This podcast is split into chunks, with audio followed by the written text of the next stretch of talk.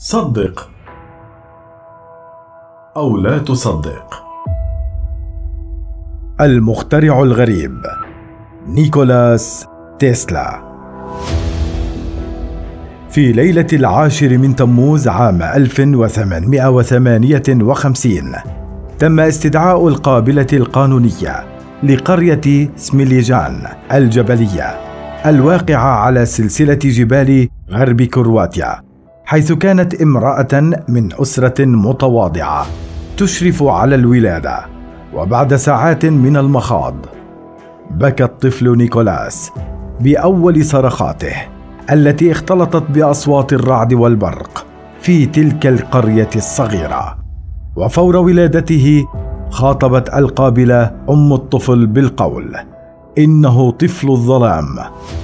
على اعتبار أن ولادة الطفل في هذه العاصفة الرعدية نذير شؤم. كما كان يسود الاعتقاد الشعبي آنذاك إلا أن الأم استهجنت قول القابله وجاوبتها بل هو طفل النور وسيعيش سعيدا. إنه نيكولاس تيسلا العالم الذي ساعد في تطور البشرية بشكل جوهري. فقدم حلولا لمجموعة كبيرة من العقبات والمعضلات التقنية حيث عرض العالم الصربي الأصل والأمريكي الجنسية ما يزيد عن 300 اختراع واكتشاف خلال سنين حياته البالغة 87 عاما. توزعت لتشمل مجالات الفيزياء والكهرباء والراديو والأشعة والليزر وغيرها الكثير.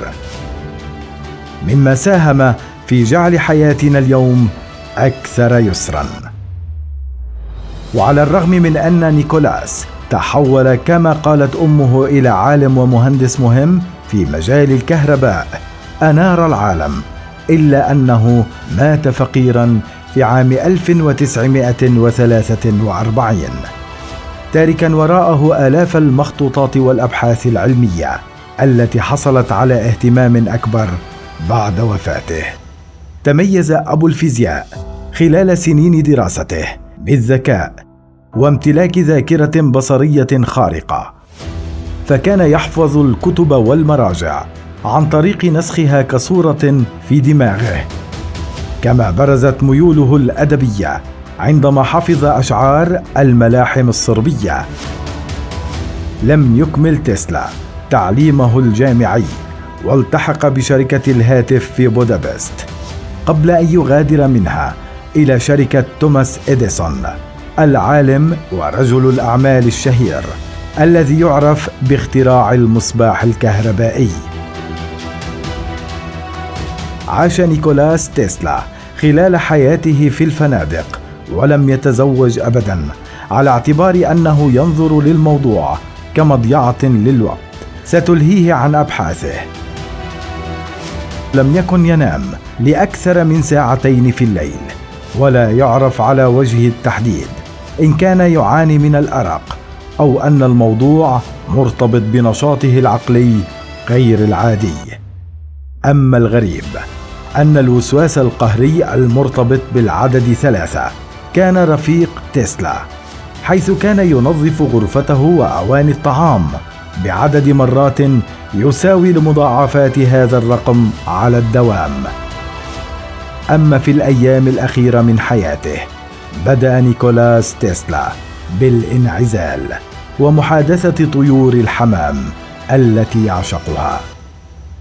يبقى أن نشير أن حكومة الولايات المتحدة الأمريكية صادرت أبحاثه ومخططاته بعد وفاته وطبعتها بطابع السريه حتى يومنا هذا حيث عمل تسلا على أبحاث ومشاريع في الفيزياء النووية والكهرباء والميكانيك والليزر والأشعة السينية خاصة ما يعرف بشعاع الموت وهو شعاع من جسيمات عالية الطاقة.